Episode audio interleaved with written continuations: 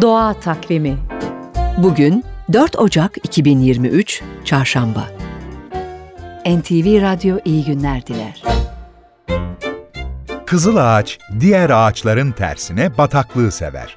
Onun değeri bundandır. Çünkü ahşabı serttir ve suyu çektikçe daha da sertleşir. Eskiden Karadeniz'de binaların temelinde kızıl ağaç kullanılırmış. Hatta Venedik'in kızıl ağaç kazıkları üzerine kurulduğu söylenir. Tabii tekne yapımı için de ideal. Adını darbe aldıkça kırmızıya dönen odunundan alır. Latince adı ise yapışkan anlamına gelir.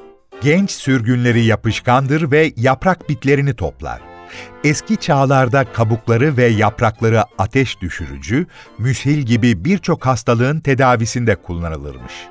Türkiye'de Karadeniz, Trakya, Marmara, Akdeniz kıyı bölgelerinde, dere kenarlarında ve bol su olan bölgelerde yetişen kızıl ağacın köklerinin aynı zamanda su samurlarına mükemmel yuva olduğunu da ekleyelim.